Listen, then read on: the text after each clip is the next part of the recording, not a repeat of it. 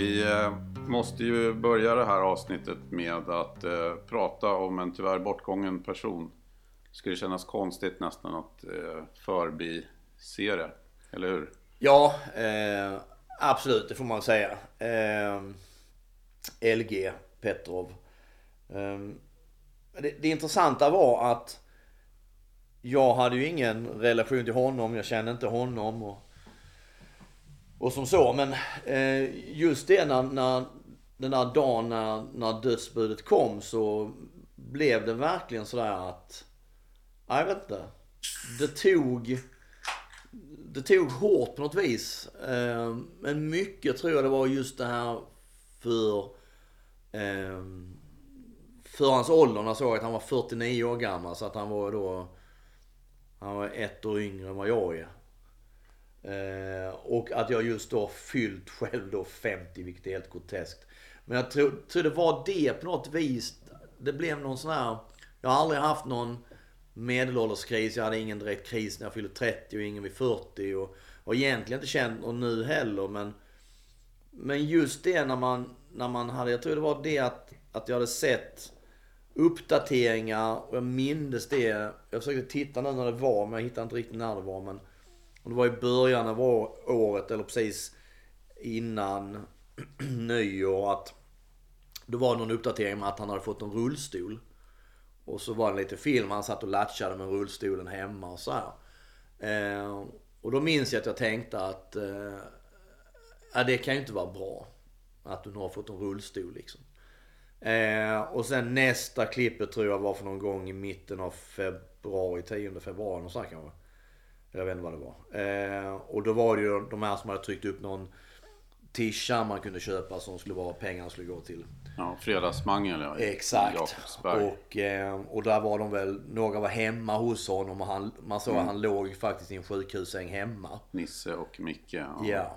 Och eh, då tänkte jag också att, ja, och man såg att han hade gått ner mycket i vikt eh, i ansiktet så här. Då tänkte jag också att, ja, det, det ser ju inte bra ut. Eh, och även jag hittade någonting att någon hade ju på, om det var tror jag på Entombed ADs när de la ut detta. Eller någonting sånt där så hade någon, eh, jag tror någon hade ställt någon fråga så här till honom och han hade svarat, om nu han svarat att han var, ja, han var väldigt trött eller han var väldigt svag eller någonting. Han orkade liksom inte. Och då tänkte man väl också att ja, det kan ju inte vara mycket kvar så att säga. Nej. Och sen dök det där plötsligt upp. Så att, nej, det blev, det blev, blev jättekonstigt. Um... LG Petrov förlorade kampen mot cancern. Det var ju eh, redan när eh, beskedet kom så, eh, så meddelades det väl att det var en form av obotlig cancer. Ja, jag vill minnas att det var det också. Ja, så att det... Och, det, det, blir ju speciellt i andra fall sådär när det har ju varit ganska många eh, kända musiker och artister inom rockvärlden och sådär som har gått bort. Och ibland så kan jag tycka när man ser folks reaktioner på Facebook och sådär att eh, det blir lite överdrivet. Absolut. Tycker jag. Att man tänker så här, ja men om du blir så deppig för en person som du aldrig varit i närheten av så har du aldrig då har du haft turen än så länge att inte upplevt döden Exakt. på nära håll. För att det, det, och då, så då kan jag nästan bli lite så anti mot den ja. typen av reaktioner. Absolut. Men eh, LG, det var ju något det, det var ju så nära på något sätt med att det är Stockholm och eh, Rock Stockholm är inte så stort och det, eh, ja, man har många gemensamma kompisar och man har ju sett honom väldigt många gånger och eh, både liksom på scen och eh, vid sidan av scen. Och ja. det, var en, det var en annan grej med LG. Ja absolut. För mig tror jag också det var det just det där med att, att eh, som du sa där att det redan från början stod klart att, att den då var obotlig. Jag minns att han skrev det i någon, någon, någon uppdatering med att, att läkarna skulle väl göra allt för att vad det nu var. Och då tror jag det var mycket det också som mer blev, liksom, det var ju rent egoistiskt och min, min, från min sida där liksom att det, det väckte ju mer där liksom att tänka att var den åldern vi är då står så lika gamla. Och så, så får det beskedet och veta om liksom att det är faktiskt kanske ingenting man kan göra utan det blir liksom en lång Det blir en lång sträcka som är där liksom Ja Slutet är någonstans Kanske inte så långt bort i framtiden. Och det blev mer det som fick mig liksom så att tänka på att Jag undrar hur det blir, undrar hur, hur tar man det? När du vet att det här kommer antagligen inte gå vägen. Du vet inte hur länge det kommer vara. Det kan liksom vara om två månader eller om det är om tre år. Och så. Det blev mer det som väcktes inne i liksom. Hur fasen, hur, hur tar man det personligen? Eh, och, och, just, och ändå veta att du kanske, du liksom, du är mitt i livet på mm. sätt och vis. Och du skulle ha så mycket kvar att göra och sen så, nej, det var, det var mer sådana grejer liksom. Det är jävla mm. konstigt. Det...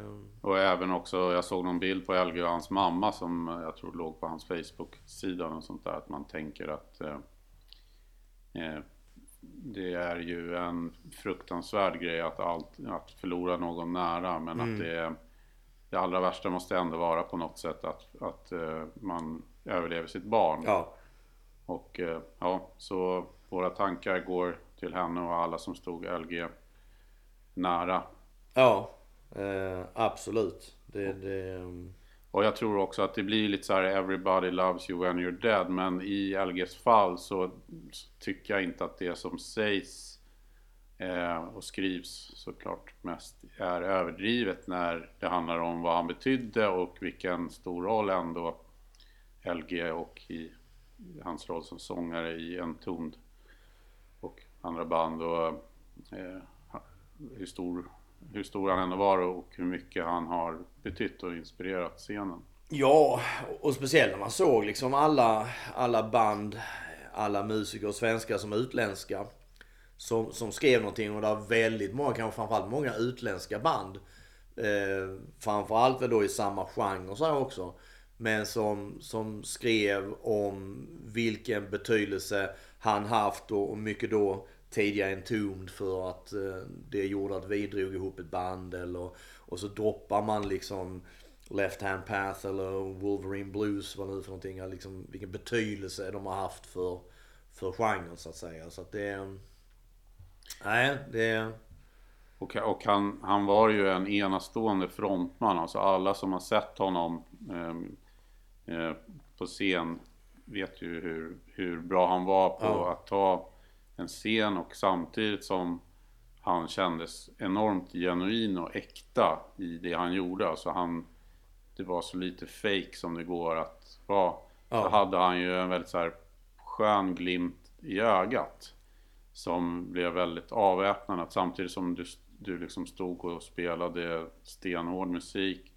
Och det finns ju miljoner band där du då gör allt för att se så stenhård ut som möjligt. Och det blir väldigt eh, ja, allvarsamt och, mm. och, så var ju han tvärtom utan han drog ju skämt och mellan låtarna och var eh, han var så säker i, sin, i sig själv så att han var ju verkligen sig själv. Han behövde inte hålla på att spela hård. Nej, nej. Och, och, och det var ju verkligen det som, som, eh, som, eh, som många andra skrev där att man, man stötte ju på honom bakom scen. Men hur många gånger som jag har varit bakom scen där för jag skulle göra någon jävla intervju och sånt. Så har han stått där med en öl i näven. Eh, det, och det kan man känna så här nu efterhand liksom. Ja fan det var ju synd man aldrig hann riktigt göra en, en, en bra intervju med honom eller någonting sånt. Så att det, ja.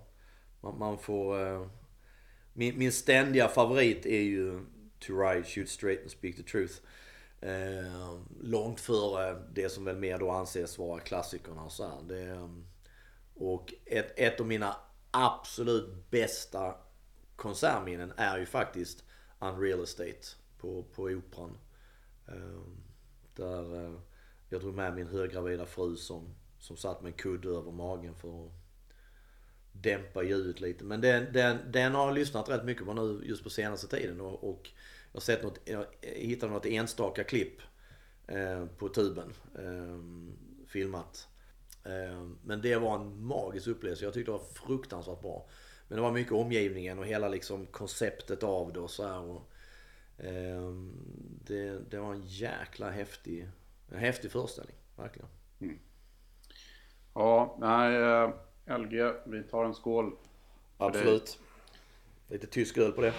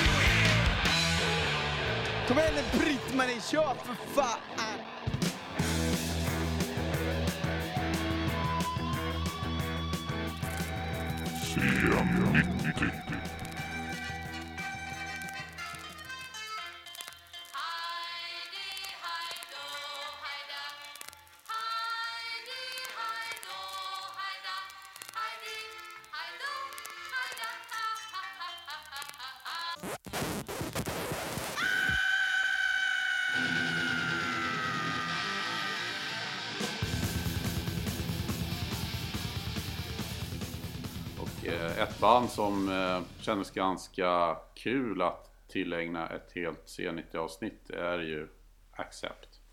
Heidi Heido. Ja, Ja, när man själv började lyssna mycket på hårdrock så var ju Accept redan där. absolut. Jag, jag minns eh, precis som mycket annat eh, reportage i Okej. Eh, sådana här dubbeluppslag från senaste turnén. Mycket tror jag var omkring där med Balls to the Walls som man väl säger var, blev något genombrott och sen Metal Heart och Russian Roulette och det där. Men det var aldrig någonting jag riktigt eh, nappade på som så. Men sen har hela tiden Accept funnits med hela vägen fram till, till idag. Eh, och, eh, och när man sen går tillbaka ändå och kanske mer aktivt lyssnar på, på deras katalog så inser man ju liksom att, ja men vad fan, det finns ju faktiskt många bra riff framförallt. Så att, ehm, ja, det är lite intressant det där. Jag, jag säger ofta att jag liksom har någon så här avsmak för tyska band men det Accept är ju ändå ett sånt där där jag liksom kan känna att jag kan faktiskt slänga på exempelvis Balls to the Wall och tycka att det är ju faktiskt jävligt bra. Det är det. Det går inte att komma ifrån. Eller Breaker eller Restless and Wild. Absolut, absolut. Eh, så är det bara. Ja. Det, bör, alltså det började redan 1971. Det tyckte jag var lite häpnadsväckande. Ja, Och tydligen hade det funnits någon förlaga redan innan med Udo Dirkschneider och han Michael, uttalas det Wagner? ehm, Michael Wagner. Wagner. Ja, Wagner. Eh, han är ju ganska så ansedd producent. Ja, Och har eh, jobbat med Accept bland annat. ja och eh, han gjorde bland annat eh, första eh, Skid Row-plattan och eh, jobbade med massa andra, just de där kanske Sunset Strip Ja. banden. Så han har gjort sig en karriär på det ju. Men det var väl det, var inte det bandet som hette Band X? Ja, Eller någonting sånt där? för att han var aldrig med i, när, i vad jag vet, själva Accept. Nej. Så. Men han kom ju att arbeta med dem sen. Ja. Men den första skivan som bara heter Accept kom ju 1979 först. Mm. Det tog ett tag innan de fick ordning på det. Mm. Men då var ju Wolf Hoffman med på gitarr och Jörg Fischer och P- P- Peter Baltes. Ja, Eh, och snart kom ju även Stefan Kaufmann med just det. strax efter. Så att de, det, där var ju nästan den klassiska sättningen redan med. Ja, och, och där är också menar så här eh, coolt omslag med tjej med motorsåg och, Ja. och, och så här. Och jag, jag minns jag frågade, vad, det var, eh, vad var det? Ja, det var i samband med att den var 2019 när plattan då, när den fyllde 40 så frågade Wolf Hoffman om det och minnen och sådär. Och då var det just så att han berättade det att de hade ju ingenting att säga till om vad gäller liksom valet av skivomslag. Utan det var någonting som skivbolaget liksom drog ihop och sen tyckte de väl, ja men vad fan det ser väl kul ut. Det där känns ju lite som en tysk grej. Alltså för flera av Accepts omslag, skivomslag påminner ju lite om Scorpions. Vi pratade ju mycket om det Ja. i, eh, i förra avsnittet. Inte att det påminner om varandra, men just det här att det var väldigt speciella omslag. Och eh, det var ju, även om den kanske inte var direkt, det fanns inget sexistiskt så, men det var lite det här, det är otippat liksom att det står Ja. En, finklädd eh, ung, ung dam Ja, ja. en bro. En lite Ja. snyggt omslag. Ja, jo, men det är det, är det faktiskt. Jag, jag gillar ju det. Ehm, Men det är ju också så här som så många andra sådana här omslag. Just det att man undrar. Man undrar liksom hur, hur tankarna har gått och, och sådär. Och samtidigt tänkte jag tänkte på det när, liksom, när jag gick till tunnelbanan nu idag så tänkte jag just på den plattan och där han hade sagt det här. Nej men vi var inte alls inblandade utan det var skivbolaget. Och samtidigt tänkte man så här, fasen här, liksom, ska du släppa en platta med, med din musik som är din konst, ditt verk liksom. Vem hade sagt det? Wolf? Det var Wolf som sa att de var inte inblandade liksom. Och jag tänkte på det att du liksom du, du har nu satt ihop någonting som du brinner för, någonting som du fullkomligt älskar och tycker är perfekt. Och, och så, så ska du presentera det för världen. Men så får du inte vara inblandad i egentligen en stor del av presentationen, vilket är omslaget. Det blir lite konstigt på något vis. Men är väl också, vad, vad jag kan tänka mig, ganska vanligt. Eller var åtminstone ganska vanligt att Ja. artisterna har inte så mycket att säga till om. Utan det är... Men jag tror lite också, i alla fall i Scorpions fall där, om vi faller tillbaka på det igen, att det kan vara lite så efterkonstruktion när det är omslag som man nu, eftersom tiderna förändras och sådär, att många undrar vad fan höll ni på med? Och då, då är det lätt att skylla på, nej men vi, vi kunde inte göra någonting. Vi var, Absolut. absolut. vi var helt eh, liksom uppbundna av ett kontrakt och skiv, skivbolaget ville ha det här omslaget. fallet. Virgin Killer då liksom. Ehm, Men, men, ehm, men som sagt samtidigt också visst, visst andra tider och jag menar gränser förflyttas och så. här, så Men musiken då på första Accept-skivan, den... Det påminner ju lite om andra stora hårdrocksband så att den ja, första skivan, ibland blir det en klassiker som alla tycker är den bästa men i, i det här fallet, och det påminner lite om Saxon, ett band som kommer upp, att det är... Man hör vad som ska komma. Det finns spår av det som ska göra det här bandet stort. ja. Men det finns inte där då. Det är taffligt liksom.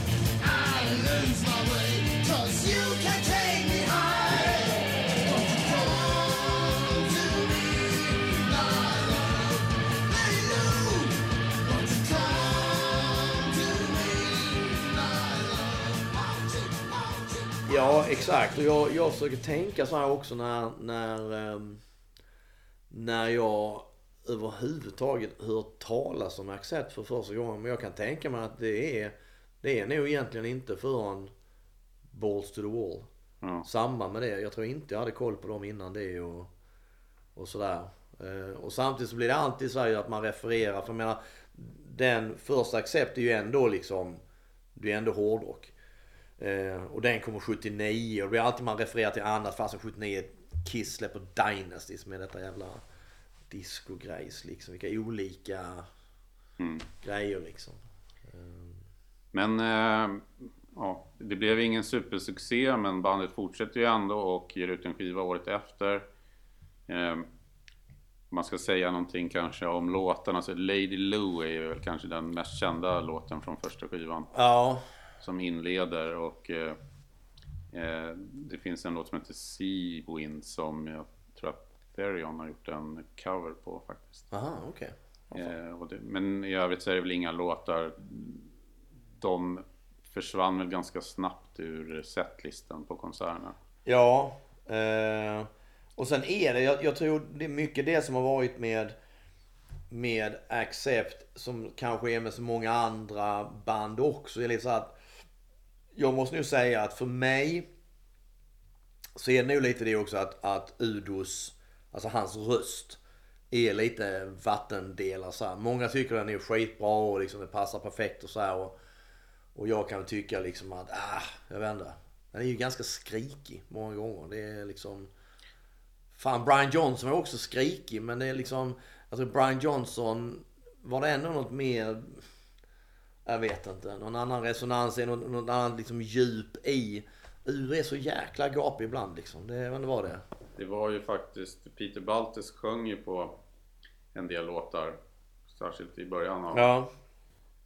Jag tror att han, det är han som sjunger på Seawix till exempel där. Men eh, vi gick ju vidare. 1980 kom ju I'm a Rebel.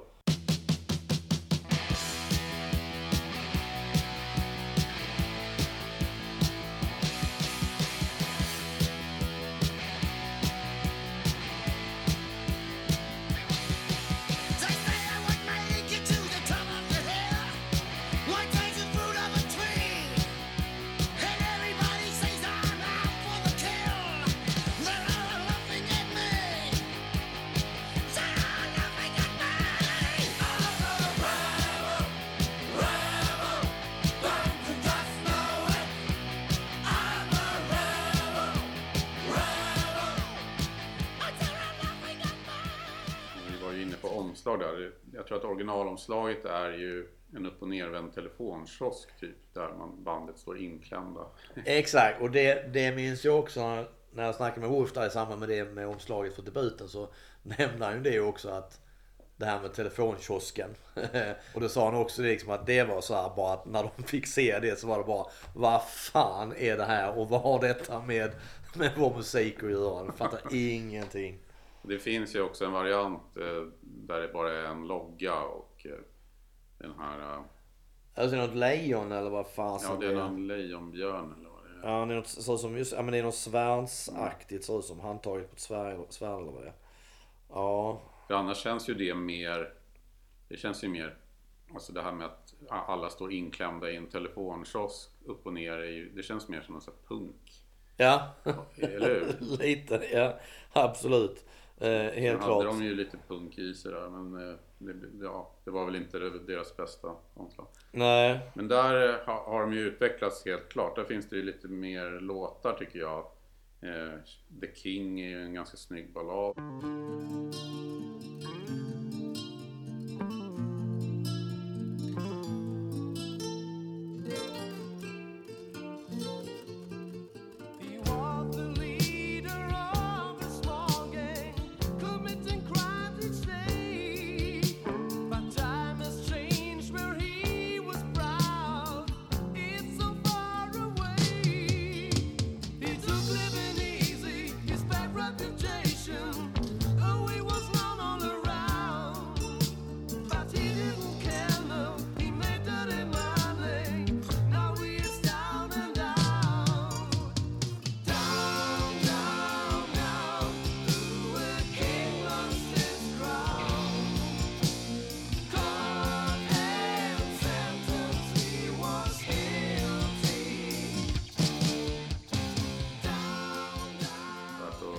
Alltså, I wanna be no hero, shine a lady.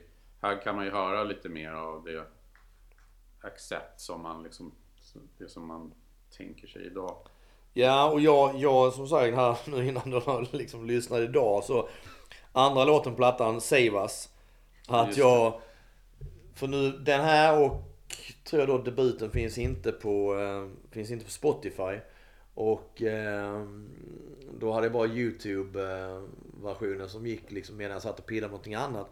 Och helt plötsligt kom den här Save Us. Som då har liksom nästan så här nästan lite souliga körer i bakgrunden. Liksom lät helt, jag tror det var någonting helt annat. Jag tror inte det var Accept. När jag hörde den först. Och jag minns inte alls den låten. Men den var verkligen så här, den var... Fasen, den hade någonting. Det var, den, var, den, är, den är rätt bra faktiskt.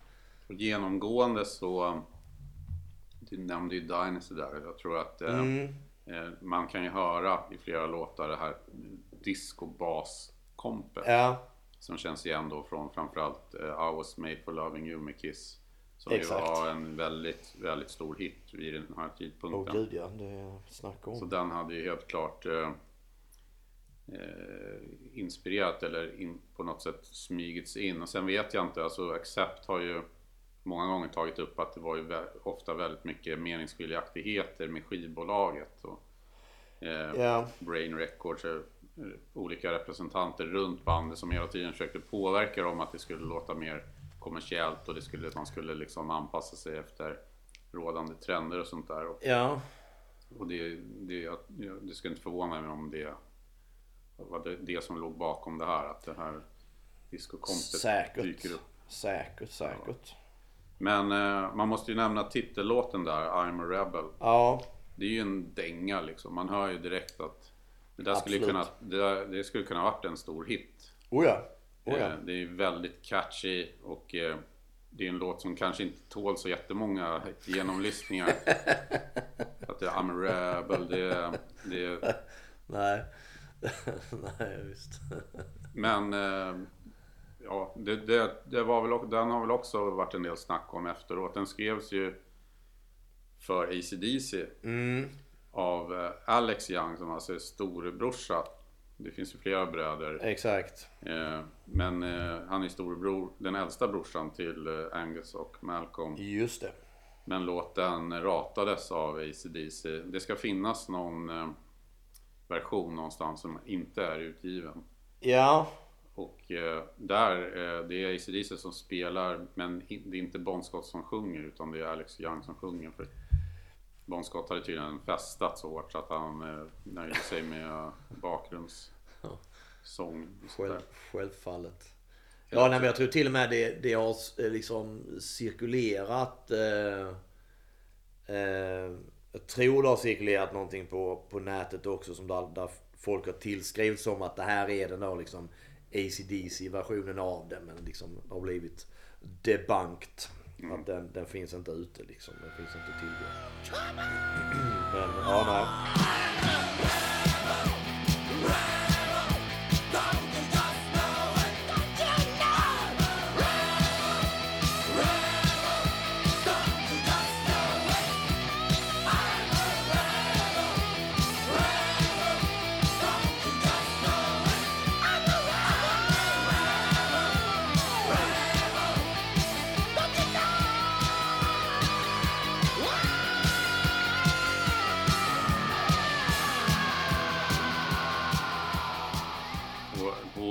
Hoffman då har ju sagt att ACDC's version som han har hört är mycket bättre.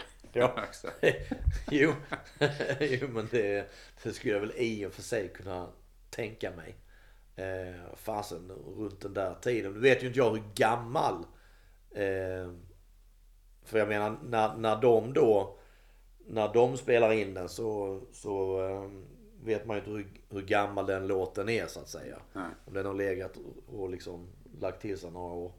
Men eh, jo, men det kan det mycket väl. Jag menar, var det där omkring så var ju ACDC verkligen on top of their game.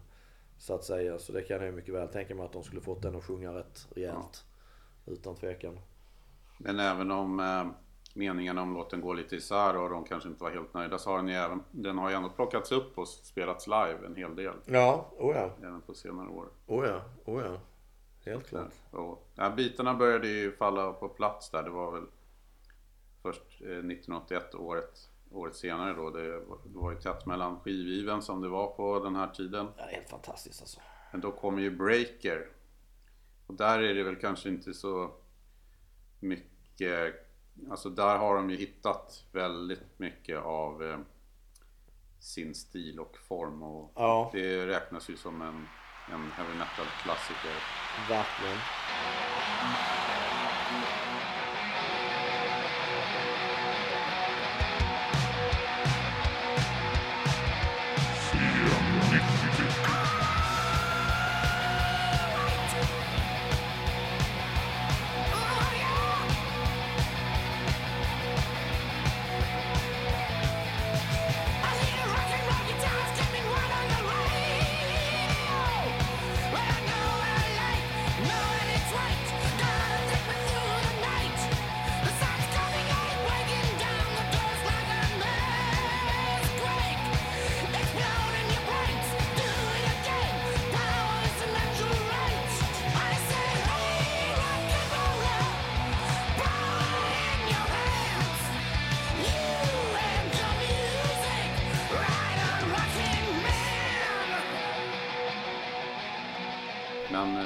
Nej, men det har ju hänt grejer med låtarna också. Du har Burning, Breaker, Starlight som ofta inledde Accept Ja. Inte min favoritlåt alls med Accept. Det är ju gapigt trist refräng. Men det är ju energi och jag förstår att det, liksom, den passar som öppnare sådär. Breaking Up Again, en ballad. Peter Baltis sjunger igen. Midnight Highway som de har sagt var det enda eftergiften de gjorde för att göra någonting som kommersiellt som Ja, ja, ja. skiv, skivbolaget låg på dem. Ja. Just den här ständiga, ständiga dispyten då med skivbolaget och management kanske också är då eh, ligger ju bakom låten Son of a Bitch. Mm. Jo. Som tydligen ska handla om eh, just ja, tillägnad det. Ja, De som ville få dem att låta annorlunda. Ja, och det- är ju också sånt som man tänker att det är, och ju mer man har hört genom åren, att det är ju också en sån här grej som är, och kanske var vanligt även på den här tiden också, just att eh, det är så många runt omkring som vill forma dig till vad du liksom, eller det, är- det är deras bild av vad som ska funka eller vad som inte ska funka och vad som ligger rätt i tiden och så här och så försöker man påverka på ett eller annat sätt. Så att, eh, och det händer väl säkert hur mycket som helst fortfarande. Men det känns ju alltså, visst det blev ju sen i mitten på 80-talet och så, så, så klart att det gick att göra kommersiellt, eh, tänka kommersiellt runt bandet så. Ja. Men, men det känns ändå som att det var väldigt svårt att förstå varför man, alltså Accept måste ju, det borde ju de också ha insett att det, det här bandet måste ju vara sig självt om det ska bli något. Det, Ja. Det, var inget bra grundmaterial från början om man ville göra något som skulle bli en väldigt kommersiell, alltså ha hittar och sådär Nej, singel, framgångsrika singlar. nej, För någon mainstream publik liksom. nej, nej exakt. Och det, det ehm, nej, jag vet inte, jag bara tänkte just, här, just, just med låten Burning att den, den har jag så minne av att jag nog hörde ganska tidigt. För det, är- den är en sån refräng som sätter sig.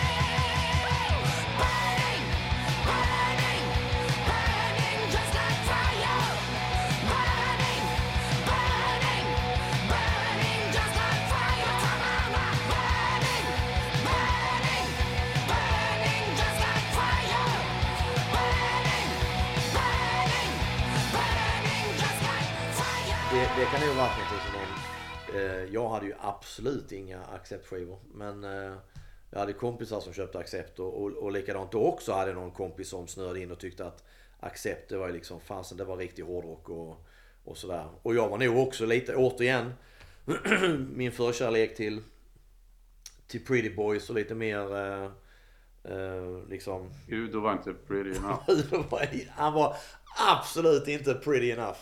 Eh, nej men det var också det här med deras eh, stil och, och just då kanske när, när jag kom in med Boston Walls så här, hur de såg ut då också sen och Udo liksom.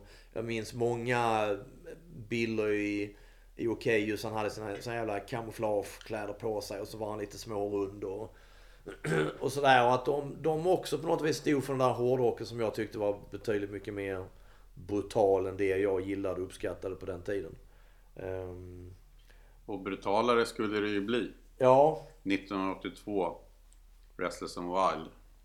ja, Nu snackar vi ännu mer klassiker än Breaker. absolut. Och, och faktiskt ett fruktansvärt snyggt omslag. Mm. Det är för jävla coolt. Det, det kan inte bli mer hårdrock än, än omslaget till Restless and Wild. Det är... Vilket för övrigt också är en jäkla bra titel. Mm. Det är någonting med det där Restless and Wild. Det, det, och den låten också är svinbra. Ja, omslaget då med uppställda Flying Wii-gitarrer som brinner. Ja, det är... Aj, fy fasen alltså. Fruktansvärt snyggt. Men där minns jag också det här att... eh, Återigen, tillbaka till barndomen så tror jag att... Att jag hör, hör Accept då troligtvis första gången samman med Balls to the Wall. Och sen är det någon polare som, ja han har den plattan och sen så ska han väl gå lite tillbaka och köper Restless and Wild. Och vi är hemma hos honom och första, första låten, är, är inte det Fastest och Sharp av det? Och det börjar med där Heidi Heidå. Ja, ett av hårdrocksvärldens mest kända intron. Ja, och, och där minns jag när jag hörde det liksom. När den sen, hon skriker mot slutet och sen när låten drar igång så här, Att jag, jag tyckte det var, jag tyckte det var fruktansvärt alltså. Jag tyckte, jag tyckte det var anskrämligt. Jag tyckte det var bedrövligt jävla uselt. Det har så här klara minnen av att nej, det var ingenting i det som tilltalade mig. Inte det minsta. Eh, utan jag skulle säga att det var långt, långt, många, många, många år senare. Där eh, jag nog gick tillbaka och, och, och som sagt lyssnade igen och lyssnade just på Restless and Wild och kunde sen då se att, ah fasen alltså. Det är riktigt, eh, det är riktigt fin platta. Men nej, jag tyckte nog att det var coolt. Alltså man var ju ganska ung när man hörde den och eh, just det där introt att det är en, en gammal tysk barnsång som eh, ja, det låter töntigt och så repas skivan och någon, det, och någon skriker. det. Och så kommer de här stenhårda, alltså det är thrash metal-gitarrer och dubbeltramp i den låten. De är ju tia där. Exakt, och det minns jag för jag, jag, jag man sitter och kollar igenom. Man, jag sitter och kollar igenom så här gamla intervjuer och ser om man kunde hitta något man kunde koppla till. Jag har intervjuat Wolf flera gånger men då hittade jag snacket med Max Cavalera för Sepultura. Sepultura ja. Eh, inte för, eh, jag snackade med honom flera gånger men just det här var bara för några, för några år sedan och då, då, jag vet inte vad vi kom in, vi kom in på något vis och så pratade han om Accept och då sa han att just Fast as a Shark för honom var en sån låt som hade jättestor betydelse för honom och vad han kallade liksom för eh, pre-thrash innan thrashen kom liksom. Precis som du nämnde här med. Och ehm, så, så det var en låt som hade stor betydelse för honom och som han väl då också när han hörde den upplevde som väldigt hård och tuff. Och, och liksom bar på saker som, ja, som, som band i thrash-scenen senare liksom tog på och körde vidare med liksom. Och sådär. Så att, nej, det, var, det var lite kul. Det är lite roligt med det där introt att tydligen så var det, de hade bestämt sig att de skulle ha någon så här lite skruvad inledning med något, någon helt annan musik. Men de visste riktigt inte vad de skulle, eh, vad det skulle vara.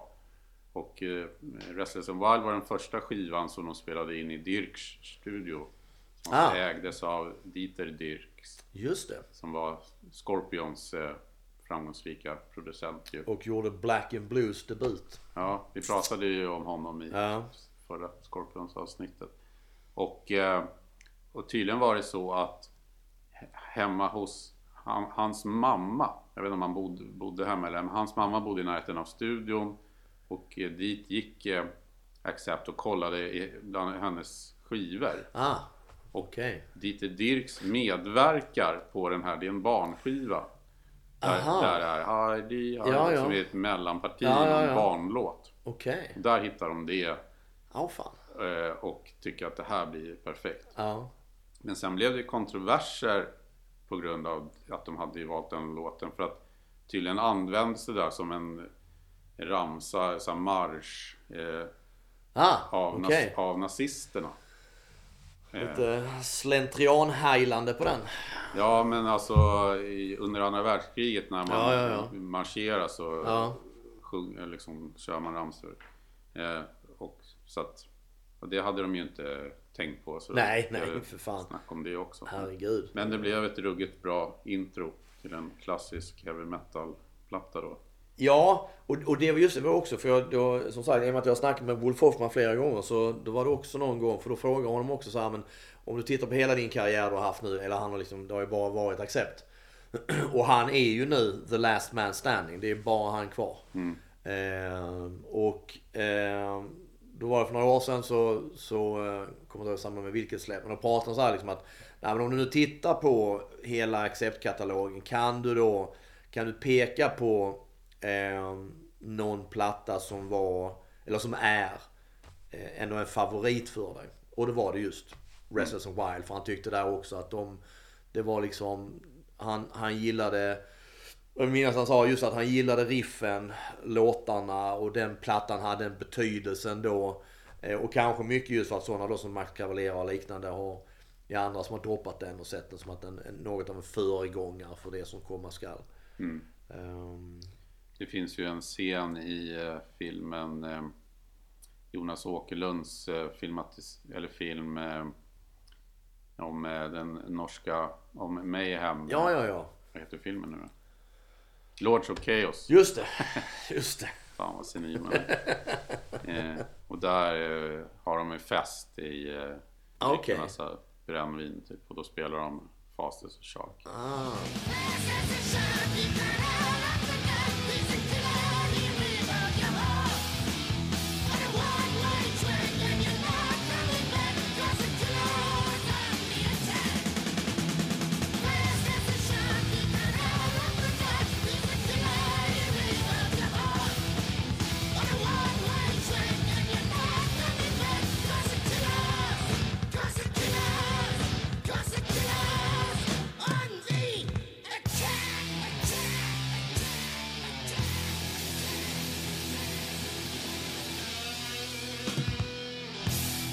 Given med plattor eh, varje år fortsätter ju där fram till 1983. Mm. Och då kommer ju Balls to the Wall Mm. som ju blir en stor hit. Ja. Den kommer ju perfekt liksom i hårdrocksvågen. Eh, Metalljournalen kommer jag ihåg i Sverige spelade videon till Balls to the Wall. Just det. Udo och Dirk Schneider åker runt på en sån här... Eh, Ja, som man river, en sån kula man river. ja, där. som just sen det. Miley Cyrus snodde. Exakt. Bo- Men det, men det är fa- faktum är så här, och det, det, det, fan gör inte, gör inte Brian Johnson det är någon, eh, Ja... åker inte han på en sån kula också? Jo, det kan nog Har stämma. för mig någon video. Ja. Någon 80-tals eller 90-talsvideo. Eh, vad gäller Miley Cyrus där faktiskt så är det så här liksom att det, det skulle ju inte vara helt omöjligt att Miley Cyrus någonstans har plockat upp det för att hon är tydligen alltså en hårdrockare. Eh, Polaren skickar många gånger så här, jag har inte Instagram, men han skickar grejer från Instagram. Och det, är- hon har exempelvis en, hon, hon, för hon lägger upp bilder så här liksom. Och hon, det var någon bild man kunde se att hon hade en gigantisk inramad eh, Eh, bild på Mötley Crüe från Theatre of Pain. Eh, jag en sån här Mark Wise-foto. Eh, och eh, man ser ofta att hon liksom står i någon gammal Mötley Crüe-tisha eller någon sån här grejer liksom. Så hon är ju ett hårdrocksfan. Hon sägs ju hålla på och lira in en coverplatta med Metallica-låtar nu så att säga. Så att man, ja. Det, blir ett sidospår här men Miley Cyrus är nog en sån som ska ha lite mer cred än vad hon kanske får. Hon har ju förbannat bra eh, röst. Fruktansvärt bra röst. Så att hon är kanske en hårdrockare. Så hon kanske tittade på ett gammalt klipp av Balls to the Wall och kände att Balls to the Wall sålde ju ändå guld i USA. Det är ju enda guldplattan i, Ja. som de har i ja, USA. ja det Eh, Men det, det var ju då när jag såg Balls to the Wall där på, på Metalljournalen som jag blev ett Accept-fan. Sen, sen var det någon som spelade in ett band där jag hade Balls to the Wall och Restless and Wild på varsin sida, C90. Ja, Och det tyckte, det var ju svinbra. Alltså Balls to the Wall, London Leather Boys, eh, Losers and Winners är en av mina favoritlåtar. just det. Och jag gillar Winter Dreams också, sista. Ja, Där Udo fick sjunga ballad. ja. Eh, Men, men det var ju också någonting så här man, man, när den kom. Ju, just, eh, just titeln Balls to the. Wall och så det omslaget vilket igen då. När kom den? 83? ja. Ja, så jag, man är 12. Eh, så det, den satt ju massa griller i huvudet på. Man fattade inte, försökte tolka vad fan det var med. Och sen ändå att det var, var liksom en, en låt som heter London Leather Boys också. Så känns vad fan handlar det där om? Eh, det minns jag. Men hade du hört? Hade du hört Restless and Wild innan detta då? Nej, Eller hade, är Balls to the Wall liksom när du hör Accept också för första gången? jag vet att jag hade hört just Fast as a Shark, att någon Ah, hade okej, spelat just ja. för att det var det här äh, introt som var så anmärkningsvärt. Just det. Men då hade jag väl inte mer än bara tyckt att det verkade liksom lite intressant. Ja. Eh, utan det var just när Balls to the Wall som jag så här kände att ah, men det här är ju bra och jag ville liksom ha, höra mer. Ja. Eh, och Balls to the Wall, apropå det där med omslaget och det, så var det ju också just med bilden att det var så mycket diskussioner om vad är det han håller i handen. Ja, just det. jo, det minns Och det ser, det ser ut som en pungkula. Ja, det minns jag exakt att det snacket gick. Det kommer jag precis fin, ihåg. det finns ju också ett ljud i låten Balls to the Wall. Helt sjukt egentligen. Liksom, det låter som man typ knäcker en nöt. Och det gick så här rykten, Ja, om, just det, just det, rykten just det. om att det var liksom så här, de knäcker en pungkula. Helt bisarrt faktiskt. Ehm, och det där har ju varit, jag tror att det är än idag så får eh, Wolf och de frågor om det där och att nej men det var bara en svart sten liksom som, eller en sten som vi målade som man håller i handen. För, för i övrigt så ser det ju väldigt så här eh, läder eh, sex eh, eh, om, omslaget. är ju- Absolut. Han har ju Absolut. full mundering typ. Eh, jag tror också jag kommer ihåg, jag vet inte, men det, det är också sånt, det har ju stått, läs, läser man intervjuer med, med framförallt i och med att det är Wolf Hoffman som är den enda kvar liksom, och han ger jättemycket intervjuer så här. Så har det väl stått mycket, nu kan jag komma ihåg det här också, men det har väl stått massor av just eh, tankar kring det där omslaget. Balls to the wall och vad det skulle symbolisera. Men samtidigt är det att jag tycker ju att precis som, precis som Restless and Wild som är också då jävligt hårdrocks eh, omslag. Så tycker jag även att Balls, jag tycker ju faktiskt att Balls to the Wall är ett jävligt snyggt omslag. Jag vet inte, jag, jag har alltid gillat det. Eh, och mycket var kanske då för att när man var ung att man inte, man liksom inte riktigt hade koll på vad, vad fan ska det där föreställa egentligen. Eh, Och där går ju det lite igen, vi drog paralleller med Scorpions där, att man har skruvade omslag som liksom väcker eh, förvåning och det blir eh, omdiskuterat. ja, vi- vilket också är, eh, är ju, är ju eh, Det är ju smart kommersiellt. Exakt, jag menar det. För det blir, det blir någonting som folk snackar om och, och, och folk eh, kommer ihåg det. Ehm, så att det, det är liksom en bra grej. Men jag vet att jag alltid, jag har alltid gillat Balls to the Wall. Och skulle jag titta på samtliga acceptplattor som så, så är det nu, det är nog, går jag tillbaka och får för mig att jag ska lyssna på Accept, vilket inte sker så här väldigt ofta.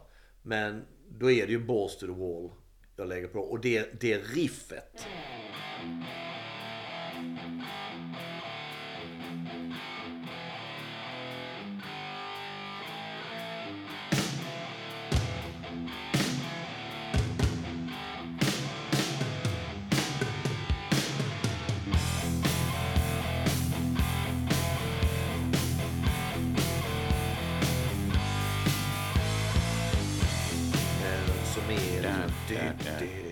Det är fruktansvärt tungt. Så jävla tungt och, och förbannat bra.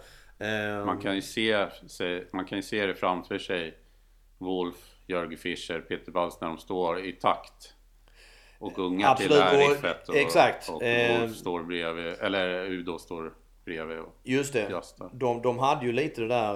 eh, Det här... symmetriska. Ja, gu- gungandet som, som även KK Downing och Glenn Tipton och Judas Priest gjorde mycket liksom. Och Vagga på något vis i takt med, med riffet. Vilket gjorde att det såg faktiskt jävligt coolt ut. Och, och videon är ju också cool på så sätt att det, är ju, det kommer ju massa typ hårdrockare. Ja, De är i det här området där det är någon rivnings... eh, Just det. de river med den här eh, kulan. just det. Och de kommer med, man ser ju deras patches och sådär att det är liksom, ja men Maiden, sådana band som Motorhead och sånt. Så att Ja, det liksom knöt an till den här sammanhållningen som var ganska eh, ja, men, eh, markant och tydlig vid den här tiden. Just det här att hårdrocksbanden höll ihop och att vi var hårdrockare och absolut. eh, Ja men det, jag tror att i den åldern så var man ju rätt svag för det där. Att så här, man kände att ja, vi är hårdrockare och här är ett band liksom som är... Ja, jo det, det, det blir ju där en att... av eh, oss. Exakt. eh, eh, Man kände på något vis, det gjorde man väl när man var där också, att man kände att man tillhörde någonting. We're gonna fight for the right. Build a wall with the bodies of the dead. And you saved. Make the world scared. Come on, show me the sign of victory. Sign of victory.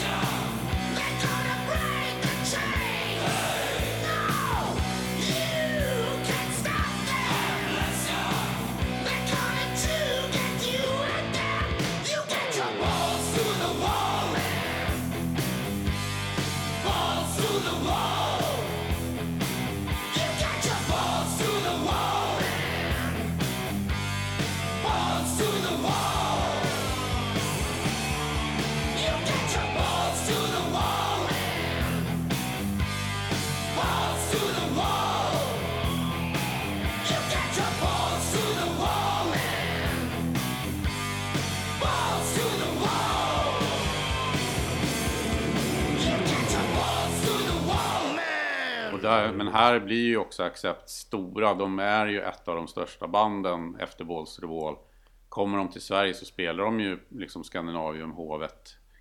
Ja, Kanske inte Scandinavium, men Hovet i alla fall. ja jo, Och- det, det, och- det och gjorde de nu fasen alltså. Och headlinar ju. Ja, Och, och, och eh, ja, turnerar ju, det är ju inte klubbspelningar längre utan det är ju liksom sporthallar. absolut, absolut. Nej men det här, jag menar kring den här tiden då bör de verkligen göra sig ett namn och, och Ja men de blir ju jämnbördiga med Judas Priest, eh, Kiss, Iron Maiden, Scorpions. Absolut. Eh, de kliver ju helt, helt klart upp, upp en nivå eh, så att säga. Så att, ehm, nej. Och det är ju tidlös musik. Alltså lyssnar man på det idag så är det ju, det står ju sig väldigt bra. Det, det innan eh, i produktionen har liksom inte drabbats av det som kom senare med det mer slicka och eh, även om Balls to the Wall är ju ett steg om man jämför med Restless and Wild. Kanske mot det, men det är ju det är fortfarande tidlöst. Ja, ja, ja. Eh, absolut. Eh, jag hittade en grej för jag köpte nyligen ett, en, eh, ett nummer av Okej. Eh, och då var det just på deras, när första scenen alltid var det var folk skrev in insändare. Så var det en som hade skrivit och svarat någon som någon hade skrivit och signerat undrande. Och då hade någon skrivit så här. Till undrande. Du som undrade vad Accepts nya LP Balls to the Wall betyder. Svar. Pungen mot väggen. Tack för ordet och sluta klaga på andras musikstil. Heavy and synt together. Jaha. Älskar den. Pung mot väggen. Fan, jag är rakt på sak där. Helt fantastiskt. Och eh, ja, populariteten håller ju i sig. Det har ju kallats för att Balls to the Wall är liksom inledningen på en tri trilogi med, som fortsätter med, med eh, Metal Heart och Russian Roulette som eh, släpps 85 respektive 86 då. Metal Heart är ju en stor hit 85. Eh, jag eh, var ju väldigt nära att se dem då live på Hovet. Ja, fan. De kom hit i början på 1985, krockade tyvärr med sportlovet och i, det visade sig att jag ska åka till fjällen. Tvung- Tvungen att åka med. Fjol, 13 år var jag då.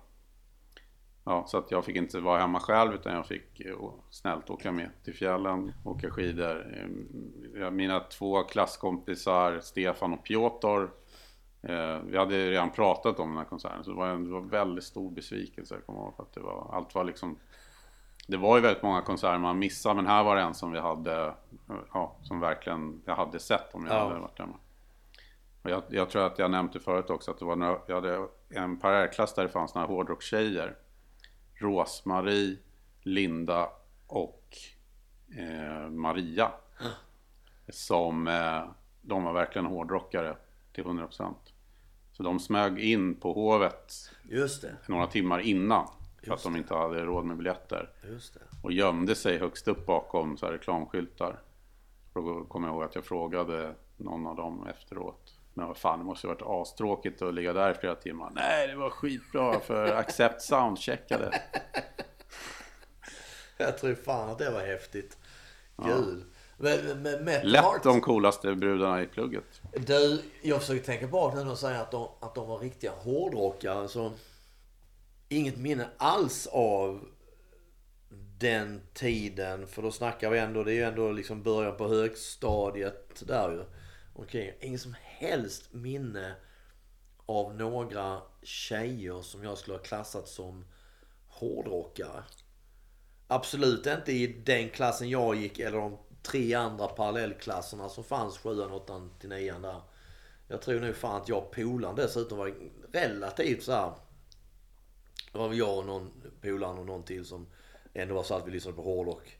Eh, vi var nog fan ganska ensamma tror jag. Det, var, det fanns kanske några så äldre killar i, i, i, i nian så här var hårdrock men absolut inga tjejer alltså. Det måste varit några jävligt coola brudar där.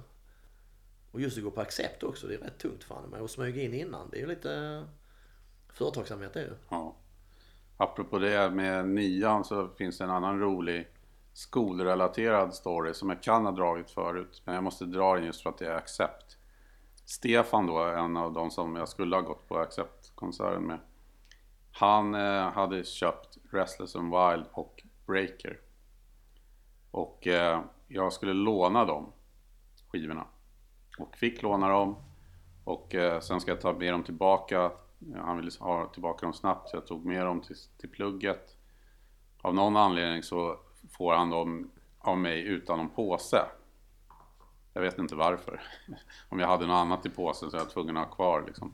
Så han får skivorna löst, vilket han direkt eh, opponerar sig mot. Men sen när sk- skoldagen är slut och vi ska gå ut ska vi gå liksom över skolgården. Så vi kommer ut från eh, en av byggnaderna. Och jag går lite bakom honom. Och då så står skolans syntgäng som är äldre. Jag, jag tror vi går i sjuan då. Det måste vi ha gjort. Och de är nior. Och vi var, vi var, det var ofta bråk och vi hamnade i slagsmål. Och äh, det var så mycket tjafs med det där. Klassiskt. Och eh, de får syn på Stefan. Och kolla vad är det där för skivor? och det här, den här, då började jag tänka så här, det här kommer inte att sluta bra. Nej. Och de rycker åt sig de där skiv, vinylskivorna och ser att det är hårdrock, accept. Nej men fy fan. Och så skickar en, en av dem iväg dem som frisbees Nej. liksom, rakt över skolgården. Helsike as. Ja, det var hårt. Ja, jävlar. det var hårt på högstadiet.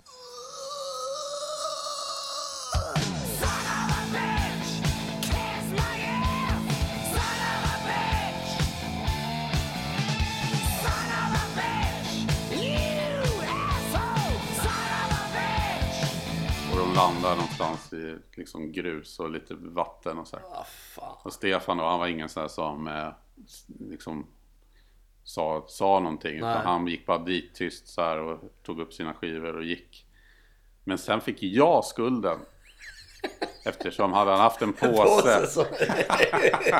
Exakt. Så det- hade det aldrig hänt. Så det är inte mitt fel att de är dumma i huvudet, tar dina skivor och skickar iväg dem. Men jag fick aldrig mer låna skivor. Jag tror fan Vilket var synd för han hade fl- fler skivor som jag ville låna. Vilken jävla hård läxa. Shit liksom. Fan. Eh, Så det är lite intressant det där. Det, det här liksom konstanta fiendeskapen som fanns på något vis. Att man, man såg ner på de där jävla syntarna som... Nej. Man var helt oförstående. Ja, och en sån, såna där grejer förstärkte ju hela den här läget av att det var vi och dem. Liksom. Att Ja. Det där, såna där saker då gjorde ju att man blev ännu mer hårdrockare. Det var ju rätt länge så jag kände att man på något vis lyssnade på annan musik i smyg. Och utåt sett så titulerade man sig alltid hårdrockare när någon frågade. Men man lyssnade på mycket annat. Så. Man, och just kring tiden då kanske 85-86 som man börjar upptäcka eh, liksom Prince och eh, Depeche Mode och andra sådana här grejer. Det var ju ingenting man gick och, och talade högt om. Det, det höll man ju jävligt tyst om. Nej men jag, ju- Metal Heart minns jag väldigt mycket om också. Och, och Metal Heart har jag liksom en känsla av att det var någonting som... Eh, att den plattan nu pushades jävligt hårt. Om man tänker just kanske Okej. men även andra liksom Kerrang och kanske en del amerikanska tidningar så här. Så mitt minne av är liksom att det, det var väldigt mycket kring Metal Heart och just det här omslaget med alla de här jävla skruvarna och maskinerna. Metallhjärtat där. Ja. Exakt. Jag kommer ihåg att jag tyckte det var tråkigt omslag. Jag tyckte det var... Jag vet inte, det föll mig inte smaken. Och sen, hela, om man ser till hela omslaget, det var helt ljusblått och bara Ja. text. Det fanns ingen bild på dem. Nej.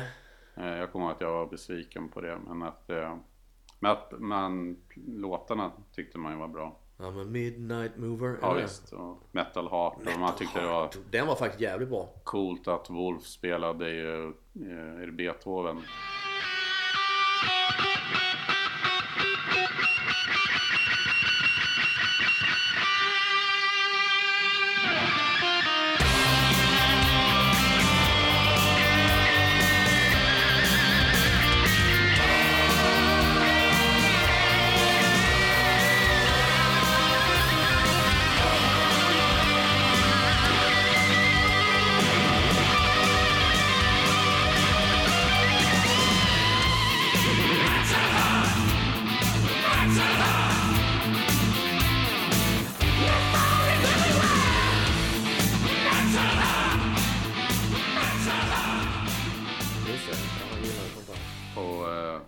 To the limit och Too high to get it right. Det är två låtar som än idag är Up to the limit ja.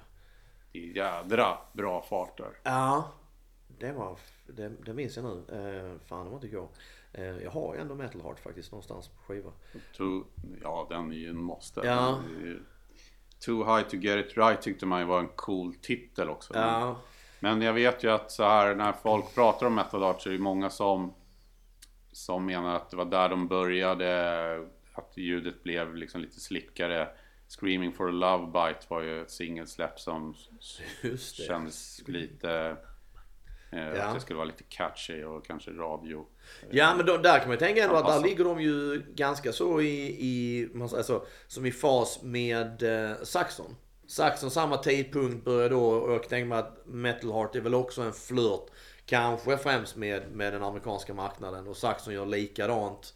Eh, Crusader. Innocence no excuse och Crusader för det liksom och, och sådär. Så att det är väl inte så konstigt. Och jag, jag tror det blir en, blir väl en naturlig utveckling att här har ju också Accept då återigen stigit upp. De är ett etablerat band. ehm, eh, eh, liksom fanskaran växer och växer. Och man kan tänka sig där också att återigen blir det det här att antingen att de tänker själva att de känner av vad fan är det som, som funkar nu.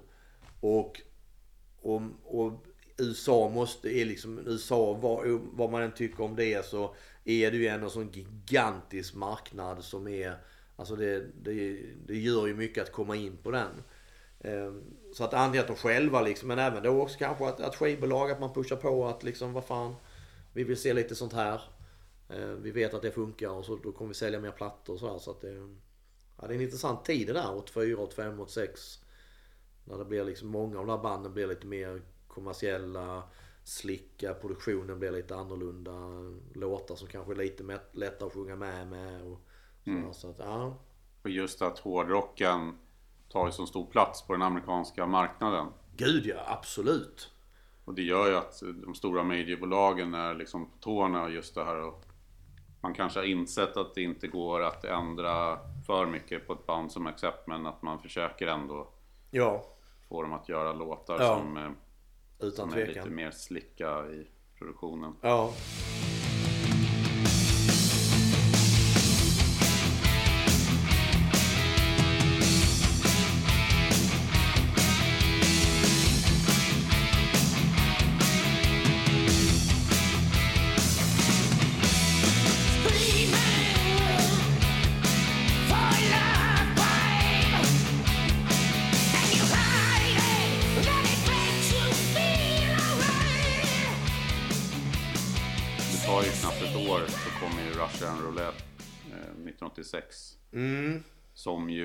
Ju är eh, kanske inte lika stark låtmässigt men eh, det är ju eh, det låter ju väldigt likt Metal Heart eh, liksom i produktion och allting. Och det, där vill jag minnas att jag faktiskt tyckte... Jag gillade det omslaget. Ja, Eh, jag tyckte det var jäkligt coolt och sen det är också att det...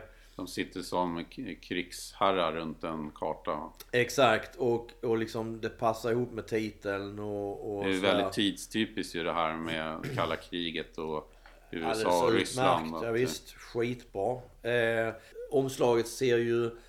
Det ser ju påkostat ut på något vis. Och det känns som man har tänkt till lite. Ehm, och så... Man kanske fick liksom lite känslan där också att det fanns en budget på något vis. Man hade kostat på sig lite. Och en hel del bra låtar ju. TV War, A- Ja. Aiming High som är en av mina favoritlåtar med Accept.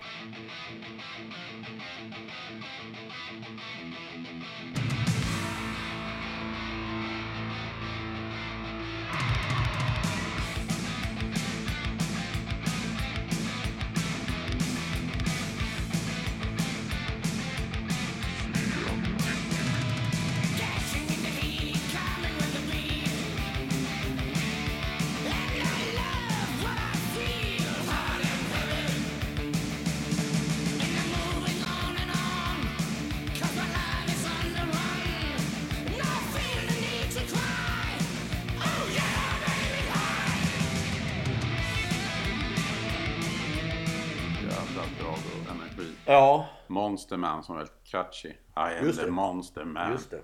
Mercy or crime. Och titelspåren då. Titelspåret då som War Games. Just det. Ja, War, Killed in Games. action. Det är ju Russian roulette. Och War Games är ju jävla bra. eh, Det är en bra film för det första.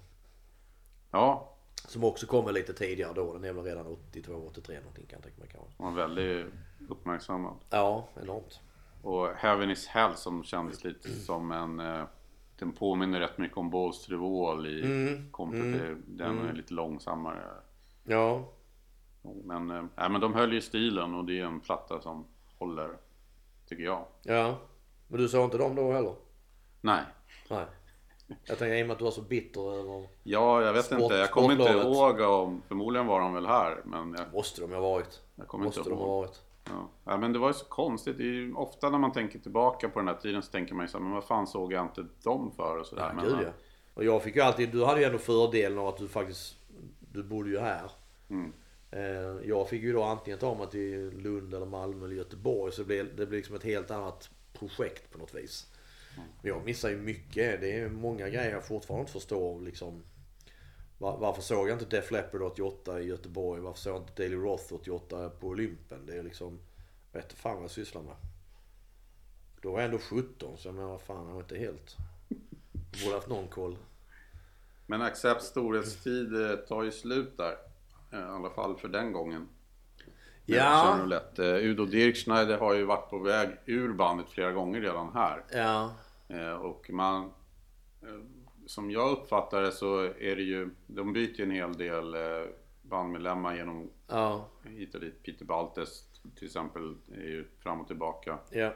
Stefan Kaufman har problem med musklerna som gör att han eh, hoppar in och ut i bandet. Eh, men eh, det tar ju då tre år innan det kommer en ny Accept-skiva och då är det inte lika roligt längre. Nej. David Reese Ja. Eh, heter den nya sångaren och eh, det blir inget bra alls. Nej och det är ju det, det är ju också som det har ju Wolf Hoffman och även när jag har pratat med honom har han sagt att det är ju den plattan han tycker absolut minst om. IT hit. Och hit ja. Eh, Och återigen är det vad jag har förstått skivbolaget som är på dem. ja. Så det, är- är väldigt lite metal för att vara Accept. Ja och en jävla konstig titel också. Jag tror även Wolf kommenterade i några intervjuer om också att han bara sa Fan jävla konstig titel. Jag vet polaren också. Tom Bombo Micke han skrev det någon av sina jävla Tom Bombos också. Så här, liksom, IT hit. Vad fan, fan betyder IT hit liksom? Ehm, ja vid, vid den, inte för att jag hade mitt, mitt acceptintresse var stort innan. Men vid den tidpunkten så... Jag, jag, alltså jag har inget minne av, av att jag ens registrerade att det släpptes en platta. Ehm, Jag kommer ihåg att man såg skivomslaget och eh, blev väldigt avskräckt. Denna David Reese såg ut som att han trodde att han var 25 år yngre än vad han var. ja. Pass, passade inte in heller i, han hade ju mer pudellook Ja, liksom. och ja. Och han, han, jag minns inte detta om... Jag tror, för det finns, det finns ett, ett band eller en platta, de heter Bangalore Choir. Som han sjunger i. Och jag, jag, jag tror den plattan kom ut före IT Heat. men jag är fan inte säker. Den kan lika bra kommit ut efter också. Den är faktiskt rätt bra. Eh, men eh, det Accept där var liksom mindre intressant. Och, och, och, och det roliga är att David Reese för kanske två, tre år sedan skickade en vänförfrågan till mig på Facebook. Vilket var så här att jag, jag förstod inte riktigt varför men vi har antagligen någon gemensam vän på någon vänster. Eh, och han sen visade sig då, eh, jag har aldrig interagerat med honom på Facebook men han är ju så här typiskt Trump-fan. Så han har ju liksom, han har lagt upp mängder med Trump-grejer och, och det, just mycket i samband nu med valet kom ju, han la ju upp mängder med såna här med att det liksom, ja det var ju riggat och fan hans mormor, man blev liksom så jävla trött. Så att jag har två sådana i, min, mitt Facebookflöde. Jag har David Reese och sen har jag Rick Fox. Och Rick Fox var i en tidig upplaga av W.A.S.P. och sägs ha kommit på namnet W.A.S.P. Han var även, han är nu från New York från början. Han var tidig med liksom, han hängde med Kiss. Innan de riktigt blev Kiss och så här. Så han har, han har jävligt tidiga foton från 73 och så här. Som är skitcoola. Och sen lirar han ett tag med, med Angel och, och sådär. Oklart egentligen vad fan han har gjort. Han har hängt med massa kul folk liksom. Men det är de två som är sådana här super pro-Trump. Man blir liksom, man blir bara trött. Man orkar inte. Rick Fox, skickade jag en vänförfrågan till för att jag tänkte att fan det hade varit kul att intervjua honom. Intervjua honom för att han har uppenbarligen varit med vid många händelser och sådär. Men, men han och David Reese bara herre min jävel alltså. Shit. Men de, de verkar inte ha haft någon karriär direkt någon av dem så att det... Nej, Accept åker ju då på turné efter det här skivsläppet med Wasp i USA. Och det är till en total disaster liksom. Och de eh, slåss med varandra. Särskilt Peter Baltes och eh, David Reese kom inte alls överens. Ja okej. Eh, Så efter det så lägger de ju ner bandet. Wolf liksom pensionerar sig och Ja. ska ju bli fotograf. Exakt. Så att, eh, Eh, ja. Och det här är ju alltså Man kan ju tänka sig då att det var när grunge-vågen kom och, och sköljde över allting och Guns N' Roses förändrade Ja. hela klimatet och, och marknaden och så. Men det här var ju 1989 så det är ju ganska tidigt som, så på något sätt så förgör de ju sig själva redan innan det här. Ja. ehm, ja nej, alltså det, men det är ju också där, och det har vi pratat om tidigare och vi pratade om innan vi kom hit här också. Att just, just det där runt där 89, 90, 91 är en så jävla underlig tid. Där hela det som alltid kallas för pudelhårdrocken eller hair metal eller vad fan man ska kalla det för. Den är på väg att fasas ut och man kan väl sen när man kan man väl själv inse när, när jag tittar tillbaks på det att det liksom det kändes ganska givet. Alltså det, det hade gjort sin del. Det blev bara nästan tramsigare och tramsigare. Varenda jävla nytt band som kom. Men, och sen så kommer grungen runt hörnet där. Men det är ändå en underlig tid att just där kring IT hit att alla de, alla de här jäkla banden som, som signas av stora bolag. De får, får liksom, man, man kastar nog pengar på dem och man, man liksom hoppas att det, varenda nytt band som signas ska få någon sån här jävla MTV-hit. För MTV betyder fortfarande någonting på den tiden. Och så blir det aldrig någonting mer än, än en platta. Kanske två. Det finns hur många sådana, framförallt amerikanska band. Som, som eh, just när, det man får kalla för Stillheart eh, eran där liksom. 89, 90, 91. Det, det blir aldrig någonting. Jag var lite intresserad, fan W.A.S.P. Vad gör, vad gör W.A.S.P 89 om de turnerar med Accept? För det går ju betydligt bättre för Udo Dirkschneider. Ja. För, det, är ju lustigt för att även om han lämnade bandet så verkar de ju inte varit helt... Eh, eh, de verkar ju inte varit fiender direkt. För att det fanns tydligen en demo eh, som, med låtar som är gjorda efter Russian Roulette som eh, med betydligt liksom hårdare. För Udo var ju missnöjd med, han tyckte att det var för slickt och att de, Ja. att de eh, eh, brydde sig för mycket om vad skivbolaget tyckte. Så att hela Udos första soloplatta som kommer bara ett år efter Russian Roulette 87 då, eh, Animal House, är ju egentligen Accepts uppföljare. Ja, ja, just det. Så att det är ju, det är ju Accept som har skrivit. Mm. Eh, och den, den säljer ju liksom betydligt bättre än Ja. Inte Hit. Ja. Och Udos karriär fortsätter ju ändå även om det blir en del eh, tillbakahopp i Accept och så. Men så att eh, han gjorde ju mer kanske vad han ville och var övertygad om kändes rätt. Ja. Och eh, ja, som vanligt så blir ju det bättre. Absolut. Alltså, W.A.S.P var ju The Headless Children eh, 89. Ja, det var väl egentligen ingen jättefiasko platta även om det inte var Nej, det var väl ingen så, men det är, det är en sån platta som, som många oftast droppar som, som en, en, eh, en, en bra platta. Mm. Jag vet inte hur det gick när den släpptes men Inte en blekaste aning. Jag, det är samma sak där som alla andra. Då hade jag släppt W.A.S.P för länge sedan. för, för Accept var det i alla fall ingen omslag. lyckad USA. Det är två band ute på turné med skitfula omslag. Fan. Och sen så tar det några år så är Udo tillbaka. Ja. Och eh, då släpptes, släpptes plattan Objection Overruled 1993 mitt i grungevågen. Ja, Nu ser jag Accept just det. på Melody i eh, Kungsträdgården i Stockholm. Som är en liten klubb egentligen. Ja, det kan inte vara stort. Nej, det var nog bara några hundra som, som gick in där. Eh, Men de hade mycket spelningar. Jag såg Tåström där minns jag. Och, eh, och det var ju fantastiskt att se Accept i den Ja. miljön. För att Ja. de, var ju, de hade ju då varit ett arenaband i flera år. Och det hade inte gått så många år. Nej. Och Udo var ju tillbaka. Och de körde ju då bara liksom klassiker. Mm.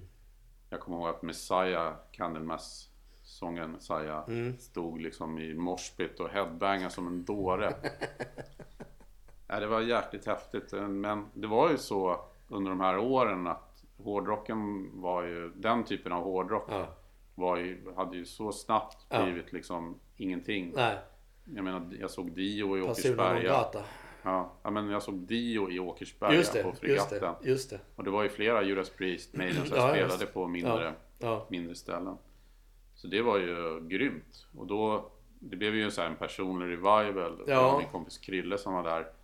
Vi spel, vi, även om det är klart att man lyssnade mycket på grunge eftersom det var ju runt om en. Ja. Ja. Man tittade mycket på MTV, gick man ut på rockklubbar så var det liksom äh, Alice in Chains och sånt som Ja, ja. spelades. Jag tycker att det var en väldigt deppig period. Mm. Tråkig och det var liksom någon slags mm, bandmedlemmarna skulle ju vara någon slags anti-rockstars. Liksom, något som Nirvana hade dragit igång. Var, Mm. Man såg ut som man bara stod och längtade hem liksom sent. En väldig, en väldig kontrast. Och då att se Accept liksom dra på sig alla de här låtarna och headbanga Ja. som att det var 84-83 igen. Det Ja. var ju befriande liksom. Ja, jag, jag kan tänka mig att sånt kan nog bli för, för alla band egentligen. Just de banden då som kanske har haft, som du sa, de har varit på arenanivå några år tidigare och liksom dragit mycket folk och kunnat headlina själva och så här.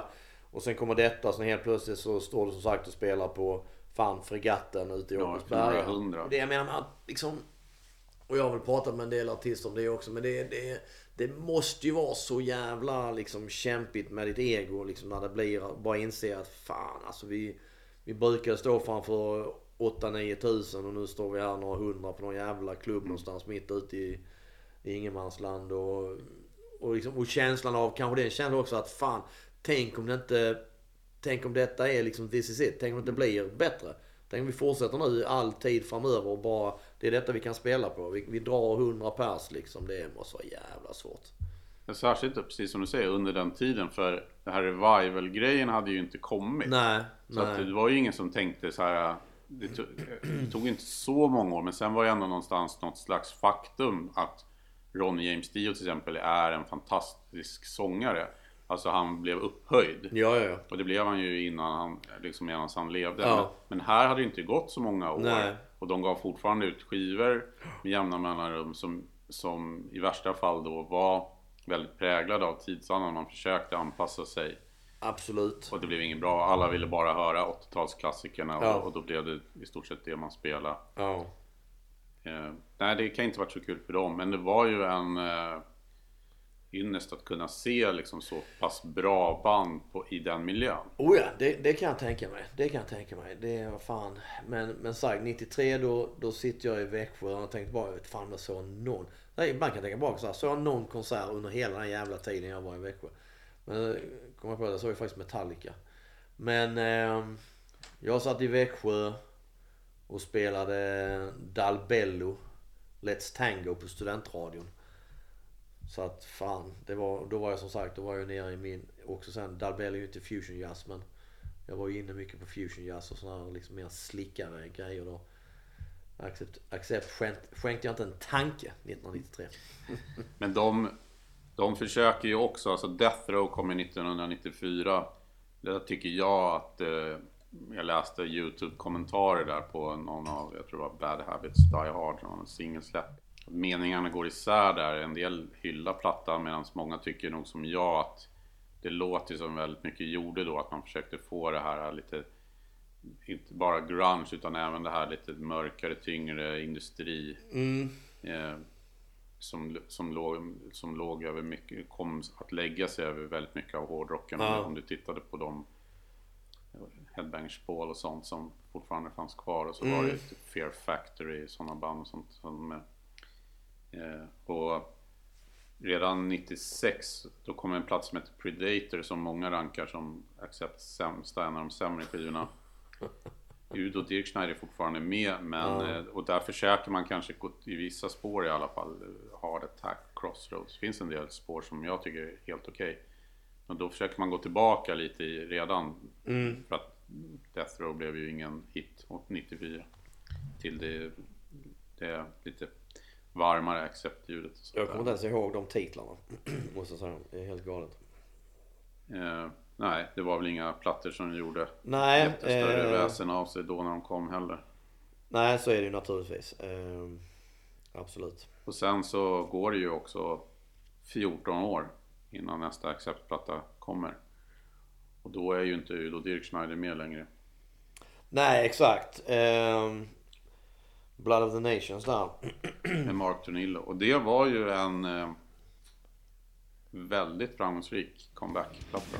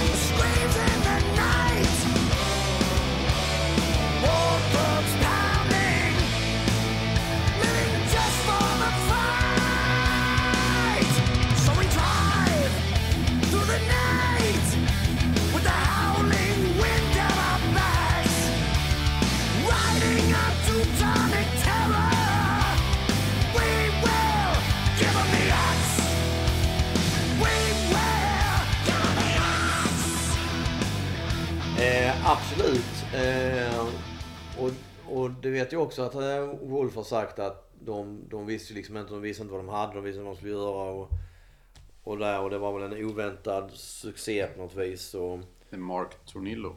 från, från gamla TT Quick. Och det, jag menar det, TT Quick kände jag ändå till. Just från jag tror att det var då antingen Rockbox eller hårdrock med Micke Rosengren. Spelar ju TT Quick. Jag vet inte hur många plattor de släppte. De kanske bara släppte en eller fan det var. Men då hade de ju släppt en platta. Kan ha varit deras debut. Och de gjorde ju en, de cover på Dave Clark Fives Glad All Over. Som jag tyckte var riktigt bra. Jag, gillar, jag minns att jag gillade den och att jag sa det var fan bra. Så att det namnet när han, när han Mark Tornillo poppade upp igen så, och det, man såg då ah, det är han i TT Quick. Då hade man ändå koll på vem han var. Eh, och han passar ju bra in. Han har ju en röst som påminner om Verkligen. Dirk Schneiders. Eh, de... Vad heter det? Den påminner lagom mycket tycker jag om Udo Dirkschneider.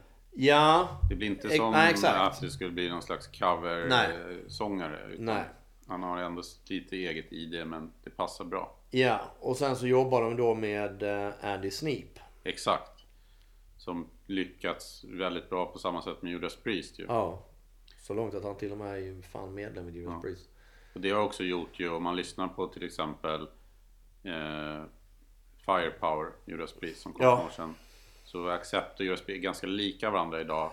Ja. Mycket mer än på 80-talet. Ja. Och han och, och eh, Andy Sneap har ju kört liksom då får man tänka. Det är ju framförallt kanske tre klassiska band. Han har ju då producerat Accept, Judas Priest och Saxon. Många av Saxons senaste plattor är ju också Andy Sneap. Och, och, och alla de där kan jag liksom ändå tycka som sagt att det finns ju i ljudbilden finns det, det är ganska metalliskt på något vis. Eh, hans ljudbild. Men uppenbarligen har det fungerat för att det har samtidigt varit att jag menar Judas Priest fått liksom på något vis blir också någon sån här uppsving och tagit tillbaka mark. Accept likadant. Även Saxon har ju liksom tagit tillbaka mark och Det blivit det är- stadigt ja, festivalband. precis. och... Stabil nivå på något Ja, exakt. Sen är allt kanske inte så här superlysande eller liksom intressant men han har uppenbarligen hjälpt framförallt de här tre banden med att liksom komma tillbaka på något vis och komma tillbaka till kanske det som är eh, deras rötter och mycket av det soundet som fansen efterfrågar. Klassisk hårdrock så att säga. Ja. Ehm, Så det, det, det verkar funka bra. Men ehm, nej, det är intressant. Jag nu intervjuade, senast intervjuade Mark Tornillo, äh, inte Mark Tornillo men Wolf var ju eh, precis innan jul tror jag. Så, så snackade jag med honom. Och då var det lite intressant det här att eh, jag, jag frågade någonting och så det här med Mark. Och då berättar han ju liksom helt öppet så här att nej alltså vi är ju inte speciellt tajta. Han och Mark Tornillo. Eh, de accepterar varandra. Eh, det fungerar liksom som band som så att tillsammans så... Professionellt. liksom. Ja, gör vi detta. Men han sa, han la liksom fram det som så att vi... Och det är väl att de är väl olika människor som så och eh, tycker, han sa det, de, de tycker väldigt olika, tror de tycker olika om politik och så här. Wolf Hoffman är ju, är ju inte så vitt jag vet någon Trump-anhängare. Men jag har för mig att Mark Tornillo, eh, är lite mer åt det hållet liksom.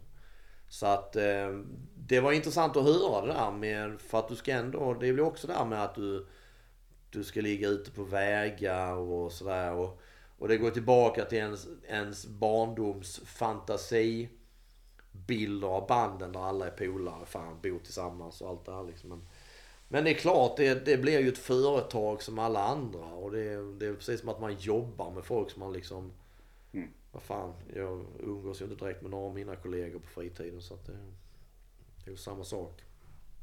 Och Andy Sneap har ju producerat efter Blood of Nation 2010 fyra plattor till där. Ja. Och det där, när jag såg att Blood of Nation kom 2010, då kändes det så här fasen alltså vad tiden har gått för Ja. att det kändes som det inte var så länge sedan den Nej. där bejublade comebacken. Nej. Det är Stalingrad, Brothers in Death kommer 2012, Blind Rage 2014, Just det. Rise of Chaos 2017. Sen blev väl To Mean To Die framflyttat på grund av pandemin men släpptes Ja. ju nu Ja. 2021. Och, Ja. ja. men de är klart kompetenta. Det finns lite bra spår tycker jag på alla. Ja. Och, eh, eh, de är väldigt lika varandra. Det, det är de absolut. Men, men jag tror också det att, jag tror överlag att alla har tagits emot väl. Om man tittar till eh, recensioner och sådär. Och av fans.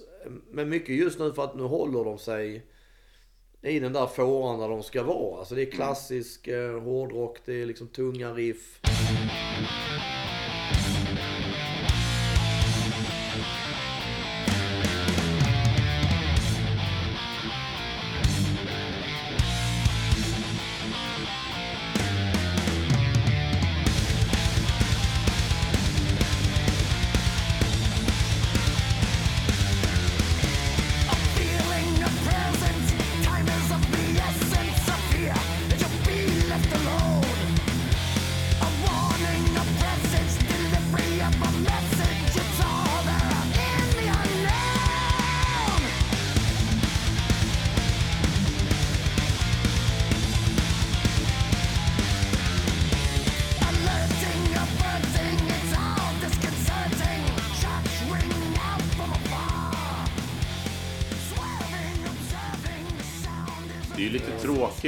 Sätt samtidigt som man kan förstå att det blir så. Eh, Det är väldigt kompetent och Ja. fansen får exakt vad de förväntar sig. Ja. Och det, man gör någon snygg video. Jag menar, Accept gjorde någon eh, eh, där de står i öknen i Kali- Kalifornien. Eh, jag tror det var Stampede. Mm. Som är, man blir imponerad och sådär. Men, men eh, man saknar ju lite det här när någon gör en, dra, en temaplatta och trampar i klaveret och Exakt. sådär på ett sätt. Alltså, men, Ja. eh, Ja, men det, samtidigt är det väl också man tänker, vad fan, de är ett år nu också så det är klart att Ja. det är en try, trygghet och, och varför, varför skulle de ge sig ut på någon eskapad och göra någonting liksom som det, det är väl kanske någonting mer som tillhör ungdomen. Ja. Om man då inte heter Metallica och snickrar ihop Lulu med, med Lou Reed. det, är Men- också, det är också några år sedan nu. Ja, plus att Metallica har pengarna till att göra så det är liksom Ja. skitviktigt, de säljer inte. Men, eh, nej men jag tror att Accept nu som på så vis är, liksom är på ett, ett bra ställe och också kommer vara så här. Ja men fan, de kommer köra sin lilla turné och sen är de på sommarfestivaler och Ja. det, det rullar på liksom. Men det, det som är intressant också när man har pratat med honom så har han liksom flera gånger sagt det han också att han är ju inte det minsta nostalgisk. Och han tycker väldigt illa om att göra liksom så här tillbakablickar på sin egen karriär och sånt. Han förstår inte syftet med det. Och han sa nu senast vi pratade liksom att han, ja, men det värsta jag vet är det här när jag ska prata om gamla plattor eller gamla tider och så här. Men jag får de frågorna hela tiden och jag svarar och gör det för att jag är professionell. Men jag liksom, det är ingenting jag själv går omkring och tänker på och tycker, liksom, tycker till om och så här. Utan det är, han blickar framåt och så här. Och, och så pratar vi lite om så här om hur, hur han ser på Eh, I och med att han nu då är det här också att han är, det är bara han kvar. Peter Baltes har ju också nu hoppat av. Och han sa det ju också att ja nej alltså folk får göra vad de vill och vill de inte längre vara del av det så får de göra det och jag menar jag, då, det var inte mer med det. Han kör på, han gillar att göra det. Och han var också så här, varför, varför ska inte jag få fortsätta med eh, Accept? Liksom. Han var väl också inne på att han menar att han har, han har ju också liksom rätten till att få turnera under det namnet fast det bara är han kvar och sådär. Ehm, men han sa det ju också att, eh, för vi pratade lite, hur ser du på framtiden och hur länge tänker du att du... Han menar han är ju ändå till åren och hur länge ska du hålla på och så här. eh. Men han sa det också, äh, tills jag dör på scen. Mm. Han såg det scenariot framför sig liksom att, nej men jag, jag kör på, varför ska jag sluta liksom? Det, han, han, han tycker om det på så vis och, och eh, gillar det. Han gillar att stå på scen och så här. Så att det, ehm, och det är väl visst, vad fan, det är väl all cred till det också. Det är väl bara att köra på. Mm. Men just det här med hans fotografering, så han är ju rätt duktig fotograf. Ehm, Ja, han måste ju ändå ha lagt mycket tid på det om han ändå ja, ja, men- uttalar att han liksom slutade med musiken och... Absolut. Eh, Och är man inne och tittar, han har ju någon sån här personlig hemsida där man kan titta där han har där han ligger foton så här. Och jag minns att vi pratade vid något tillfälle att, att jag tyckte att hans bild, hans bild, eller en del av hans bilder påminde om eh, en snubbe som heter Andreas Görski. Som jag tror är då tysk också. Eller så här, som eh, första gången jag såg honom tror jag på Louisiana i, i Danmark. Eh, som också så här enormt stora eh, eh, foton, prints. Mycket så här på, eh, det kan vara så här eh, balkongframsidan på ett hotell eller liksom han tar sig in i stora varuhus liksom. Det är mycket plottrigt så här, men det är ändå liksom en, det är ganska så här raka linjer på allting och inramat och en del av Wolf Hoffmans bilder var lite åt det hållet också. Eh, Så att, men, nej men han har tagit många liksom många bra bilder så att det, man förstår att han kunde liksom kunde väl ha det som ett jobb ett tag. Ehm, och det var också intressant det där som att liksom det fattar ju tusen år senare från sen liksom man går tillbaka första gången hur det Accept att hans fru Gabby hon skrev ju skitmycket texter i, i Accept och sådär. Och nu har hon, nu har hon lämnat över det till Duff, exakt. Nu har de lämnat över det till Mark Tonillo för han menar det också. Vad fan han, han är ju för fasen amerikan så att jag menar det är hans språk så det är vet, vet, lättare att han skriver det. Ja. Och det var det också senaste plattan så kommer jag inte ihåg vad, jag kommer inte ihåg vad låten heter. Om det var den som heter Zombie Apocalypse eller vad fan det var. Första spåret. Ja, där, eh, där han sjunger någonting om Kardashian. Och då sa jag det till Wolf också. Jag trodde fan aldrig jag skulle höra ordet Kardashian i en acceptord. Då skrattade han och sa nej fan det tror inte jag heller. Men det, det liksom handlade om den, den tiden vi lever i och alla sitter med sin telefon.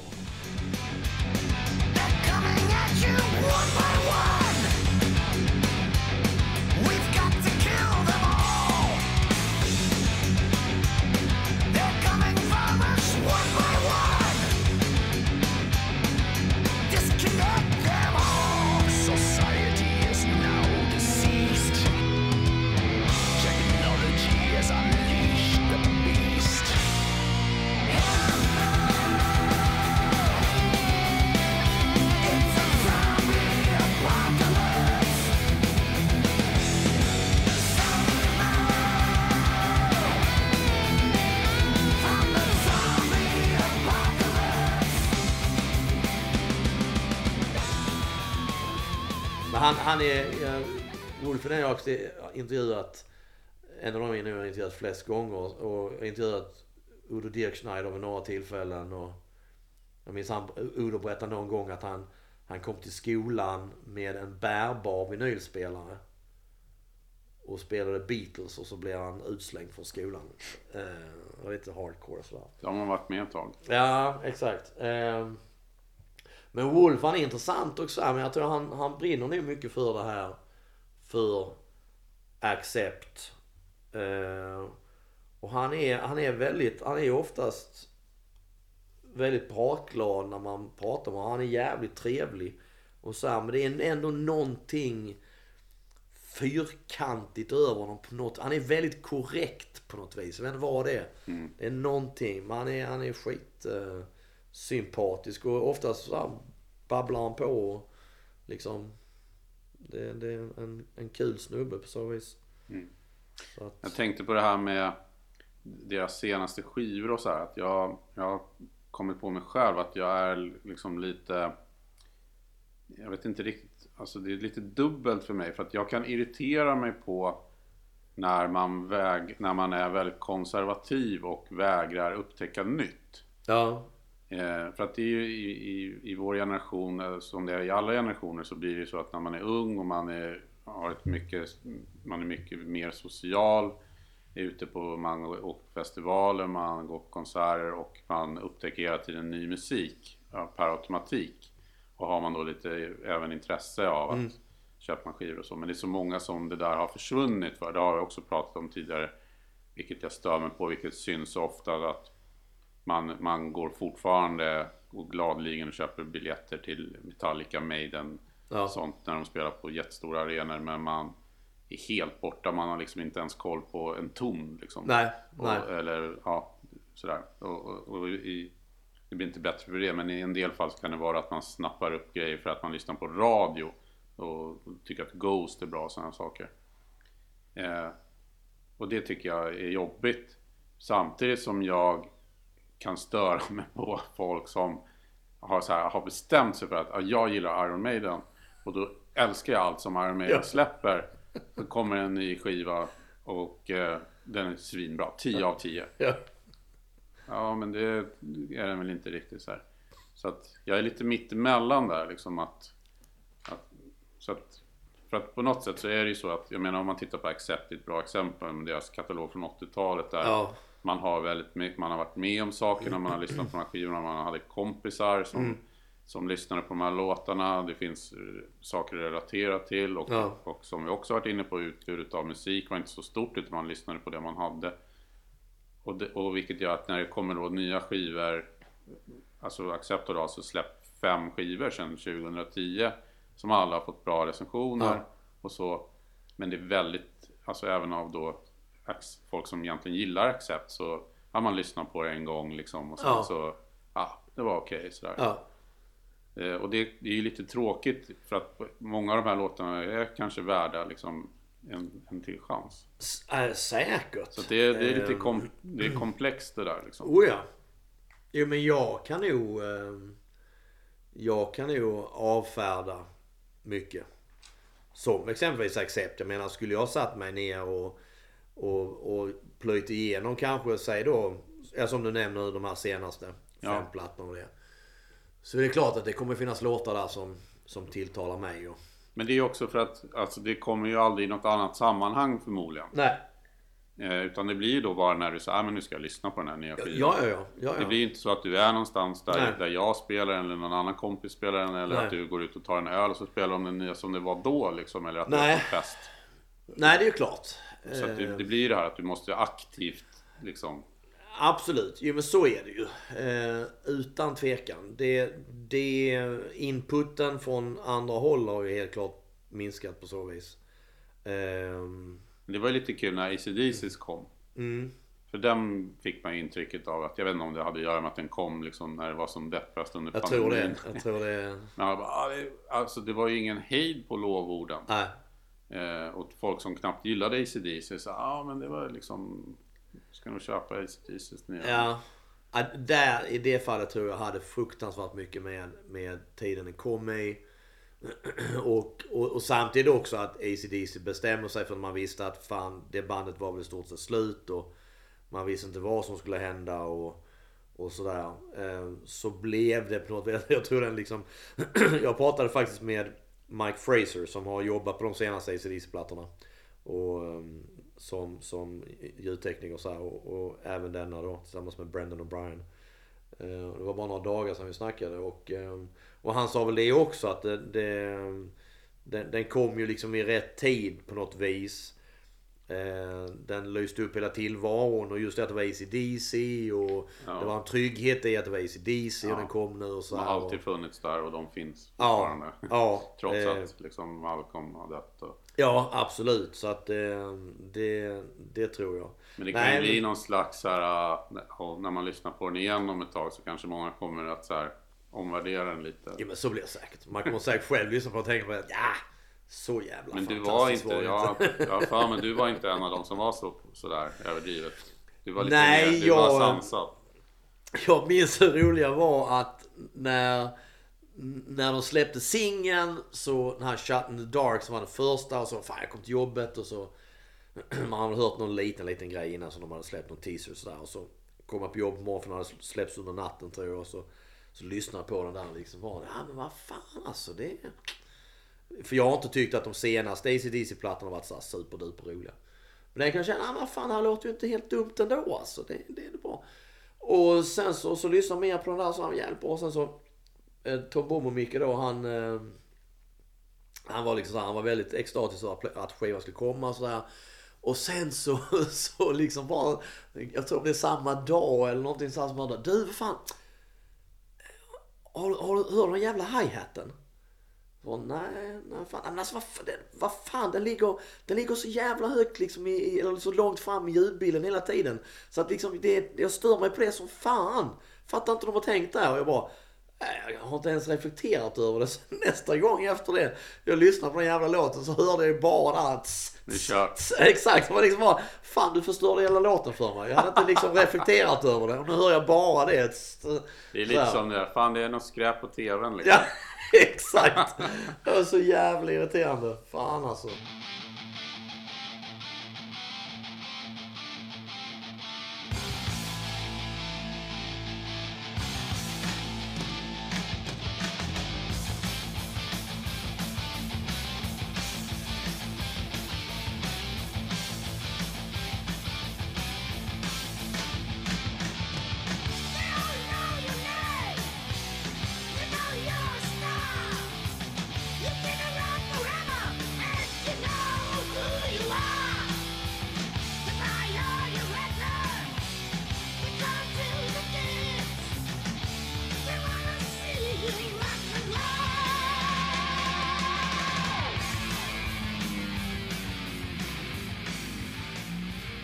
Nej men Accept, det är ändå, det är ju som sagt. Det är ändå ett band också som har influerat mängder med andra band och, och som sagt, jag vet att Wolf Hoffman är ju också en sån som har blivit hyllad av andra gitarrister som att liksom just tror jag mycket för hans riff och såna här grejer och att det har påverkat. Och, Undrar hur många Flying We.